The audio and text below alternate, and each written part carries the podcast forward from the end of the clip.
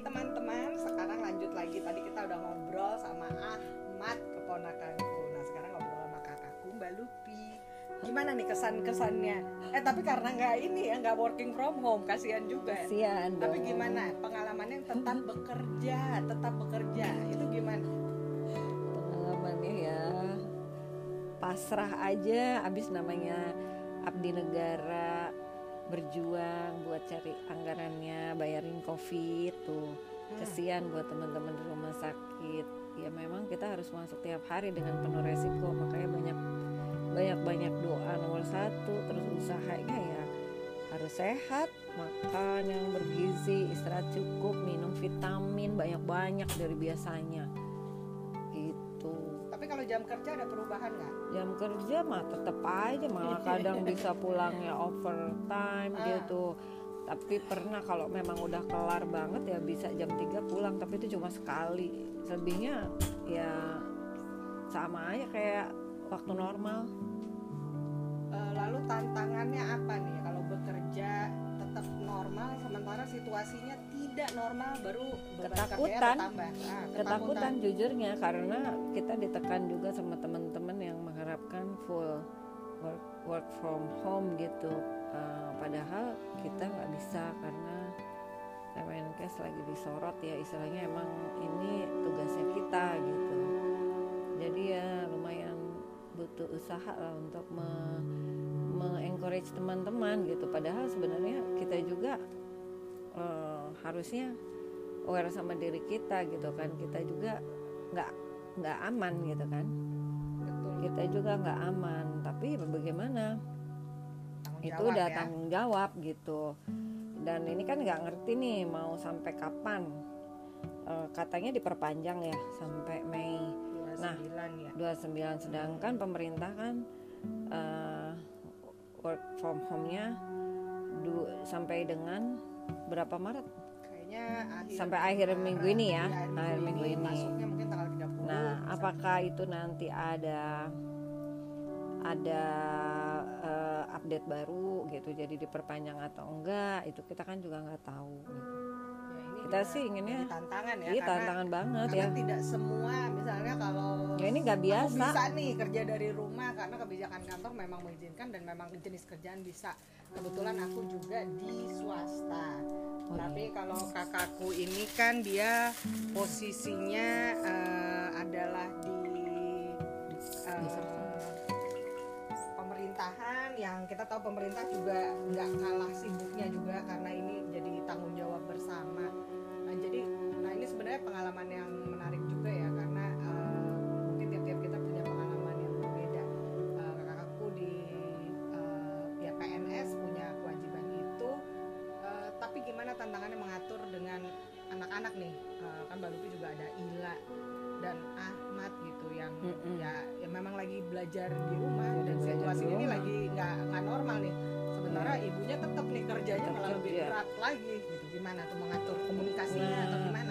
komunikasi sih insya Allah ya namanya juga anak di sebelumnya kan udah apa eh, kos ya. Hmm. Kalau komunikasi sebisa mungkin kita gampang nih ada WhatsApp itu Hmm. terus tuh ngingetin sholat makan kerjain PR tuh udah udah makanan hari-hari ya kalau bisa telepon telepon cuma memang nggak bisa deh kepegang untuk ngajarin tuh udah lepas semua gitu udah jadi kayak nggak mikirin anak gitu jadi eh, khawatirnya juga ya mikir boro-boro mikirin diri sendiri aja karena udah cuek udah udah langsung ke kerjaan. Mhm. pikirannya tanggung jawabnya gimana apalagi kondisi lagi kayak gini. Ya udah saling ya itu tadi yang saya bilang cuma modalnya tuh yang nomor satu ya doa full doa terus ya kitanya usahanya gimana juga usaha full ya itu berusaha sehat kayak gitu. Mudah-mudahan ya kita bisa berjuang di cara kita masing-masing gitu ya apa yang kita bisa kontribusikan buat negara ya kalau memang anak-anak harus di rumah ya di rumah aja semua gitu kan.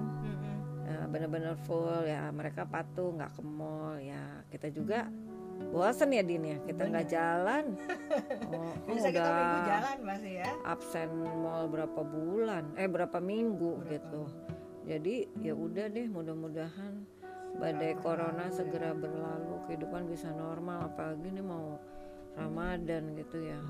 Nggak berasa aja rasanya kalau nggak bisa ada keramaian namanya kita makhluk sosial. Betul betul. Oh, oh. mungkin ada pesan buat ASN yang punya pengalaman sama atau buat ibu-ibu yang harus meninggalkan anak mungkin ada pesan-pesan singkatnya? Ya kalau untuk teman-teman ASN sih ya harusnya legowo lah menerima yang terbaik yang udah diberikan. Dan kalaupun dikasih kesempatan work from home itu benar-benar dimaksimalkan kan? Teman-teman nggak setiap hari masuk di jadwal cuma masuk maksimal dua kali tiga kali. Nah, kalau kami nih yang kebetulan dikasih tanggung jawab lebih dengan segala risiko harus masuk tiap hari. Jadi mohon saling mendukung mensupport jangan banyak keluhan. Ya kita sama-sama beresiko semua sama-sama punya keluarga gitu. Jadi hmm, takut boleh ya. khawatir boleh. Tapi kan artinya kita jangan melemahkan juga diri kita. Kalau kita was-was itu yang bikin imun kita turun gitu.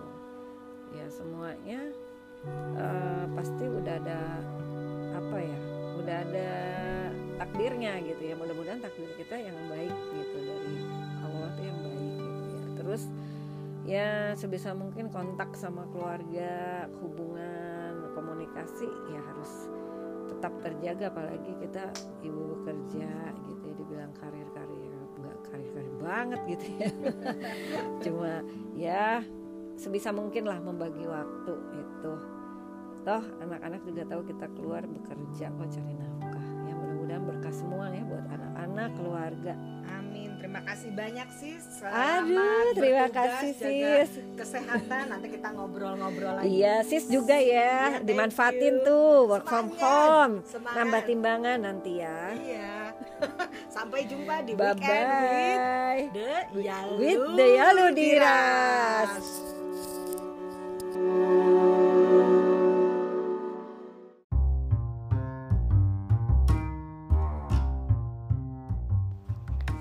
Aja yang bikin kita berjibaku pas corona. Eh, kemarin-kemarin kayak episodenya mem- gue sempat cerita bahwa apa-apa mesti dilakukan di rumah. Mungkin di 3-6 bulan pertama hal itu eh, memang mau nggak mau harus dilakukan karena kita tuh semacam kaget gitu ya. Eh, kok bisa ada virus seperti itu dan juga berpikir itu konspirasi sementara korban berjatuhan dan real. Uh, tapi lama kelamaan orang jadi lebih paham. Ada protokol kesehatan uh, masker udah banyak diproduksi jadi nggak langka orang nggak panik. Uh, uh, hand sanitizer lalu jaga jarak. Ya intinya kesadarannya udah mulai muncul dan informasinya juga banyak beredar baik yang disediakan oleh pemerintah maupun oleh non pemerintah ya. Uh, termasuk juga kantor gitu yang memberikan support ya artinya memastikan kalau uh, hand sanitizer tersedia.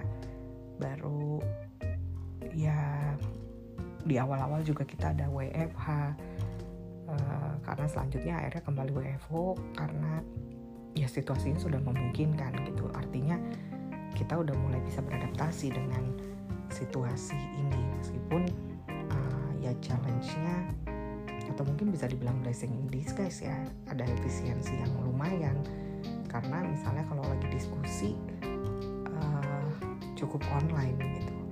Dan kayaknya ini akan menjadi dan sudah menjadi new normal gitu. And the good thing about that despite of being challenging ternyata corona membuat banyak hal jadi efisien gitu dengan jangkauan yang lebih luas ketika dilakukan online.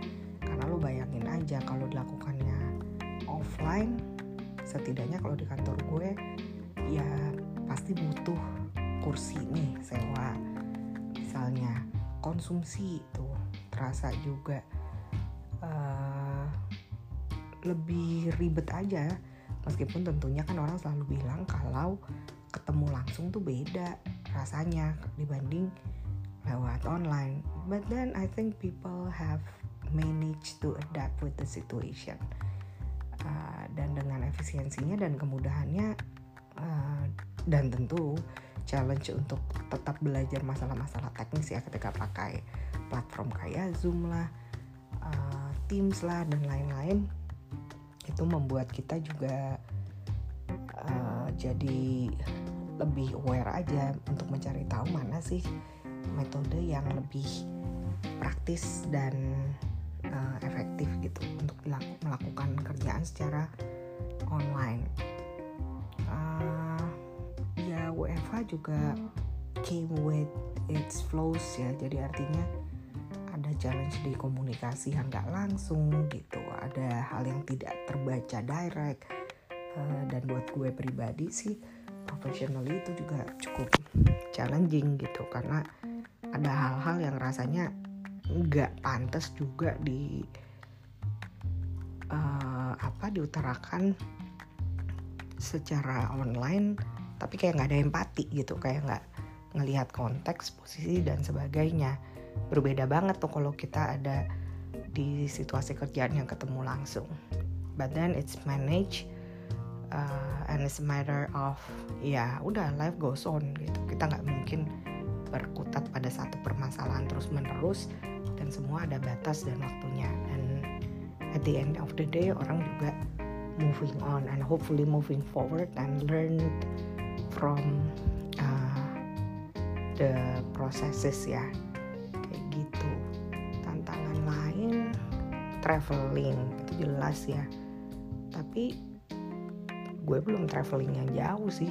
Kalau Bogor sama Bandung pun sejauh ini karena pakai kendaraan pribadinya temen nggak ada ikut tes rapid dan sebagainya dan alhamdulillah aman. Nah mungkin lebih uh, awas kalau akan traveling yang terbang ya misalnya atau jarak jauh gitu sekarang ini kita harus dengan rapid antigen yang harganya juga lebih mahal. Kalau antibody kemarin itu 150 ribu nah kalau ini bisa 250 ribu. Ya tapi dibanding swab sih ya. Uh, kakak gue sih yang udah pernah gitu karena dia juga dinas kan PNS jadi ya harus ngisi aplikasi e-health uh, ya ada sesuatu yang mesti di print out gitu untuk mengatakan kita uh, dalam kondisi yang aman non reaktif meskipun ya itu juga flowsnya adalah ada yang memperjualbelikan bahkan sampai terjadi pelecehan seksual tuh parah banget sih. Uh, dan ya sisanya memang protokol kesehatan dari diri kita sendiri gitu. Mungkin kalau hasilnya di perjalanan adalah kita yang harus datang lebih awal. Kalau gue ngebahasainnya adalah uh, kita tuh jadi harus datang atau memperlakukan travel kita kayak travel ke luar negeri gitu. Penerbangan internasional kan yang ya lo tahu. Mesti lewat imigrasi lah segala macem. Itu panjang. Jadi mendingan diperlakukan seperti itu. Pun gue belum ngalamin loh ya. Tapi kalau denger cerita atau pengalaman orang ya kayaknya itu sesuatu yang penting banget untuk jadi kenormalan baru nih kalau kita mau traveling. Apalagi ya ya berjibaku lainnya ya meskipun pakai masker itu ngap-ngap banget. Aduh kadang-kadang udah capek banget ya tapi itu adalah cara yang paling murah dan uh, mudah gitu loh untuk mencegah virus yang ber, ya lewat udara ini gitu loh. Perjalanannya gitu. Kita kan nggak tahu seperti apa lepas dari kontak dengan beragam orang yang kita nggak tahu ya. Tapi ya semoga semakin ke sini semakin banyak informasi yang didapat dan nggak terlalu parno. Tapi tetap menjaga diri uh, dan ya lebih apa ya? Lebih wise aja kali ya kalau misalnya nggak necessary banget ya bisa ngatur waktu untuk nggak lama-lama di luar. Uh, life balance juga tetap penting sih. Ya itu kembali ke orangnya masing-masing. Pengalihannya ke mana? Apakah ada yang yoga ada yang masak ada yang bercocok tanam? Nah itu sih pilihan aja. Atau kalau kayak gue kan ke mall atau ketemuan teman uh, tapi sih kita juga tetap uh, pakai masker dan sebagainya gitu. Dan ya so far sih gue senang aja ya dikelilingi sama orang-orang yang bersih gitu yang benar-benar tahu kebersihan juga gitu. Jadi kalau kita udah ketemuan tuh gimana uh, lah pakai masker pakai hand sanitizer jaga jarak mandi segala macem uh, dan ya lainnya sih memang kembali ke imunitas tubuh kita masing-masing ya. Makanya jaga deh kesehatan.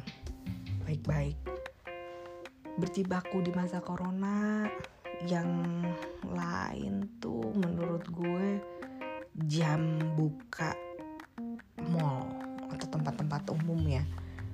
Ya tapi gue sepakat sih itu necessary juga karena kalaupun dibilang dibatasi 50% kadang-kadang juga sulit tetap bergerombol di dalamnya ya mungkin intervensinya ya memang di jam uh, operasional tempat-tempat tersebut. Nah, sekarang ini setidaknya dari di Indonesia ya di tahun baru 31 Desember kemarin sampai tanggal 3 Januari ini lusa hari Minggu itu uh, tutup semuanya tuh jam 7 malam.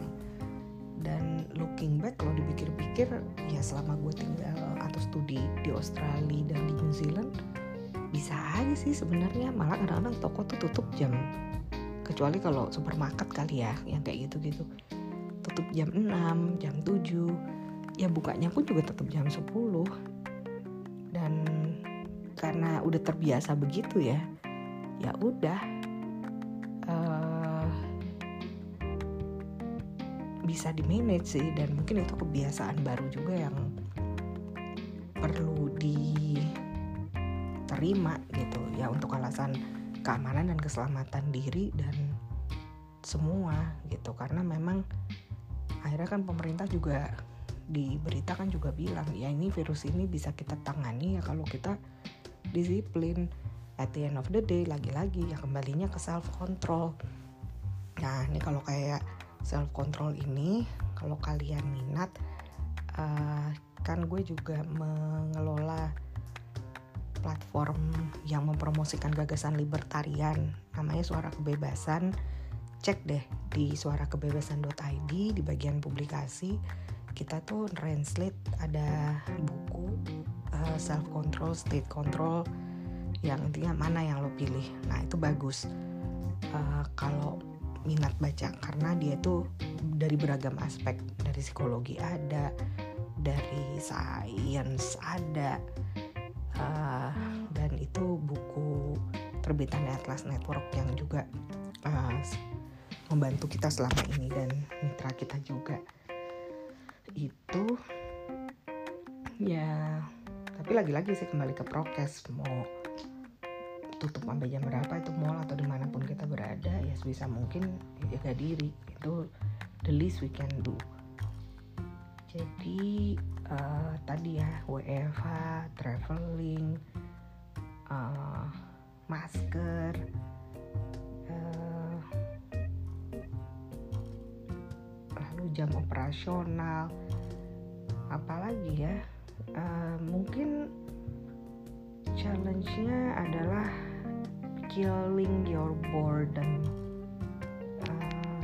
Tapi tadi kayak gue sempat singgung kembalinya sih ke kita kitanya sendiri juga. Gimana kita bisa mengelola uh, anxiety atau bahkan kebosanan gitu. Bagusnya sih ke hal-hal yang positif. Or at least fokus on what we're doing gitu dan tidak cause more problems gitu juga gitu ngapain sih nambah masalah gitu loh. Mungkin nggak mudah juga ya karena kita juga tahu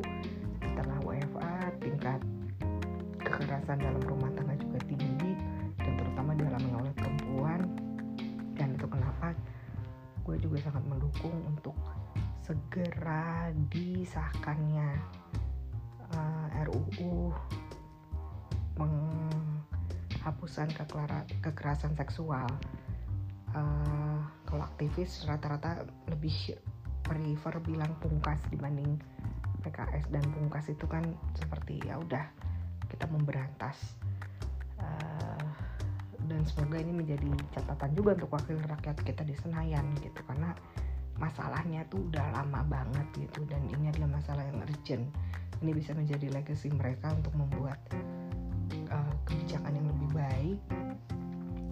juga relevan gitu. Dan kita membutuhkan itu membutuhkan parlemen yang peka dan awas gender gitu dan punya kesadaran uh, gender yang tinggi juga. Dan terutama uh, keberpihakan untuk kebutuhan rakyat. Karena kok ya semakin ke sini demokrasi kita juga jadi dan di tengah corona juga mungkin berjibaku dengan berita-berita soal korupnya pemerintah uh, bahkan kementerian sosial menteri sosialnya juga baru ditangkap karena korupsi bansos. Dan juga menteri KKP dan ini worrying banget sih gitu. Karena jatuhnya tuh ya di pemerintah pusat dan di menteri-menteri yang kok korupsi terutama terhadap bantuan sosial dan kok korupsi di masa yang seperti ini.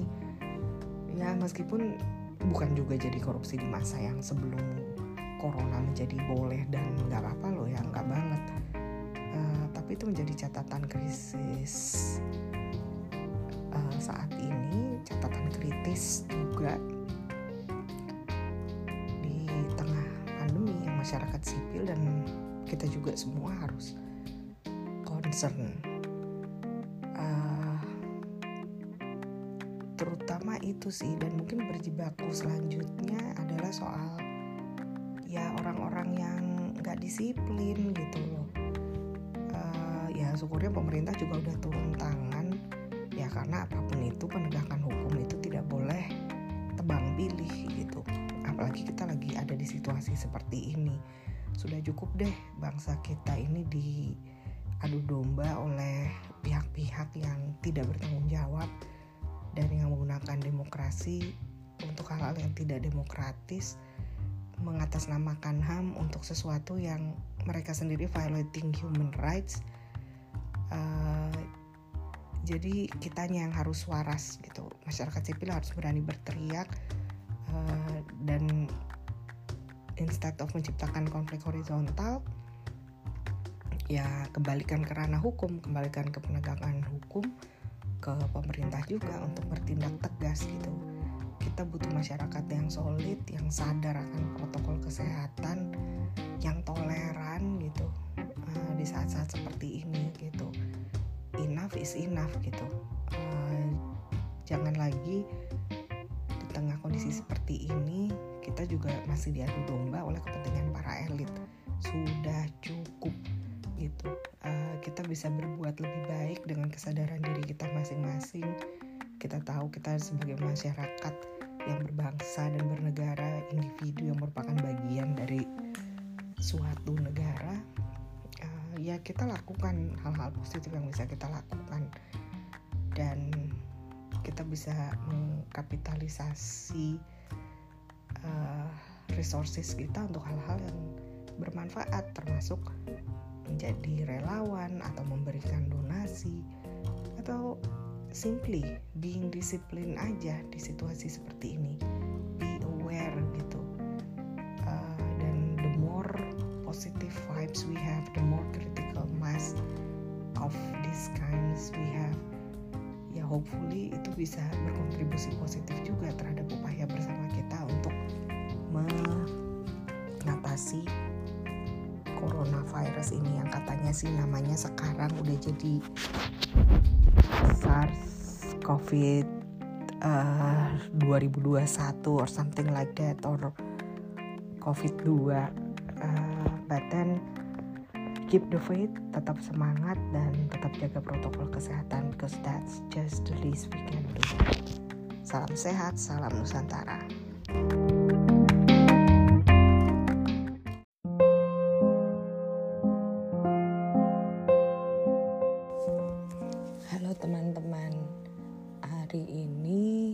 Januari 2022 uh, kurang lebih setahun setelah 1 Januari tahun lalu pas aku bikin podcast. Kalau dengar suaraku mungkin teman-teman berpikir whether aku lagi flu atau habis nangis. Tepatnya sih yang kedua. Kalaupun mewek ya itu bawaan karena menangis. Uh, kalau terdengar flu ya maksudnya uh, I've lost my dad on Monday 3rd January this year. Uh, itu tanggal exactly 32 tahun sejak mama pergi. Nggak ada yang nyangka dan lagi-lagi ini kuasa Allah uh, aku jadi inget ketika Rahma ponakanku meninggal kalau nggak salah tanggal 4 atau tanggal 5 uh, Desember ya. Uh, atau Agustus sorry. Uh, dan it was hard. Uh, dan mungkin itu kita jadi belajar kalau kita hanya manusia. Bayangin aja ada tiga dokter di keluarga ini uh, yang mungkin nggak pernah menyangka sakitnya Rahma adalah leukemi yang langka. Anak itu pun akhirnya meninggalkan kami pada usia lima setengah tahun uh, berat. Tapi aku ngebayangin kayak kita lagi naik kereta lalu salah satu gerbong diambil begitu aja. Ya itulah menjadi manusia. Sama juga dengan saat papa pergi. Aku sama sekali nggak berpikir dia akan pergi. Uh, dan aku nggak mau punya pikiran itu gitu. Uh, tahu dia pulang ke rumah tanggal 1 uh, aku merasa semua akan baik-baik aja kita udah video call di tanggal 1 uh, dan papa sudah bilang mau berobat jalan di Mitra atau di Kencana. Aku dan kakak-kakakku more than happy untuk membantu uh, karena itu yang kami harapkan gitu. Ada rawat jalan uh, dan gak melulu harus anfal. Dalam situasi yang buruk dirawat uh, tanpa ada jalan keluar gitu untuk follow up tentang penyebab penyakitnya ya mungkin ya Allah udah punya jalan. Papa capek uh, mungkin pikirannya capek fisiknya capek. Uh, tapi aku selalu melihat dia itu orang yang uh, apa ya semangat berjuang hidupnya tinggi. Dia menata makannya masih jalan-jalan sore ibadahnya juga kuat uh, dan untuk ukuran orang yang berusia 79 tahun ya luar biasa bonusnya aku bilang sama saudaraku dan sama orang-orang juga dan termasuk saudaraku uh, yang kandung ya uh, kehilangan mama di usia kecil waktu masih kelas 6 SD dan sekarang ketika aku 43 tahun ya nggak uh, mudah juga makin nggak mudah gitu. Uh, dan penyesalanku ya aku tidak ada di samping dia uh, aku hanya sempat WhatsApp di pagi hari aku bilang selamat bersenin ria. Uh, aku juga menyesal tidak WhatsApp atau video call lebih lama karena aku pikir ya he would be there ketika aku pulang. Uh, dan ya semua ini berat gitu loh. Uh, kakakku juga merasa berat aku merasa berat gitu karena kita merasa ketika kita sudah dewasa dan bisa berbuat tapi kita nggak bisa berbuat apa-apa gitu. Uh, ya mungkin aku nggak bisa cerita detail di sini gitu. Tapi kadang-kadang hidup itu memang aneh. Uh, atau mungkin itu letak keadilan ya. Uh, dan kita hanya jadi manusia kita nggak bisa ngapa-ngapain. Kita berusaha uh, tapi ada aja gitu hambatannya. Dan mungkin buat banyak teman-teman yang merasakan hal yang sama tentang kedukaan tentang kehilangan orang yang kita sayang. Ada banyak hal yang kita sesali ada banyak pertanyaan what if? Kalau begini gimana? Kalau begitu gimana? Ya kata orang kan kita harus rela ya biar yang sudah pergi bisa jalannya tenang. Uh, tapi ya itu nggak mudah sih. Ya aku merasakan itu gitu uh, ya kadang-kadang air mata tuh menitik begitu aja. Bahkan ketika di mall aku ngebayangin sosok papaku yang pakai uh, sling bag uh, gayanya yang neces pakai kemeja yang pakai topi uh, dan ya mungkin aku hanya punya sedikit momen itu ketika bisa mengajak beliau jalan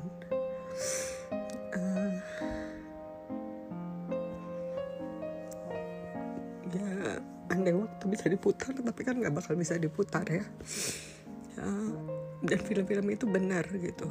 Pokoknya tunjukin kasihmu ketika orang yang kamu kasihi masih hidup. Ya aku pikir keluarga kami punya cara yang tidak ideal untuk menunjukkan kasih sayang. Uh, kami juga tidak terlalu dekat dengan bapak. Uh, bahkan setelah mama meninggal gitu mungkin juga bukan tidak sayang ya tapi memang bukan hubungan yang unyu unyu uu gitu gitu. Uh, karena memang dari dulu berjarak kayak penuh hormat. Uh, papa juga orang yang keras gitu. Uh, tapi dia juga membentuk kita sejauh ini dengan kasih sayang dengan caranya gitu. Dan ketika ada orang baru datang uh, kesempatan itu hilang untuk dekat uh, jadi mix emotion the dramas uh, adalah hal-hal yang nggak sehat sebenarnya. Ketika kita menghabiskan waktu dengan orang yang kita sayang di only orang tua yang tersisa. Tapi ya life goes on. Kalau aku ngobrol sama sepupu-sepupuku juga seperti itu. Mereka juga pernah ngalamin kehilangan ada yang kehilangan bapak ada yang kehilangan ibu aku juga ngobrol dengan beberapa teman bahkan yang baru kehilangan ibunya tahun lalu juga mengatakan ya setahun ini juga masih mewek. Uh, yang sudah kehilangan lama pun masih menangis gitu. Ya aku senang bisa berbagi itu dan memang butuh waktu untuk grief. Never in my life aku merasa setiap aku jalan tuh aku ngelamun ngerundukin nundukin kepala gitu. Dan tiba-tiba nangis uh, seperti ada yang kosong. Karena selama ini ya mungkin disadari atau tidak motivasiku untuk berprestasi adalah orang tua gitu. Ada kebanggaan yang bisa membuat dia tersenyum. Ada doa yang selalu aku nantiin sebenarnya gitu. Restu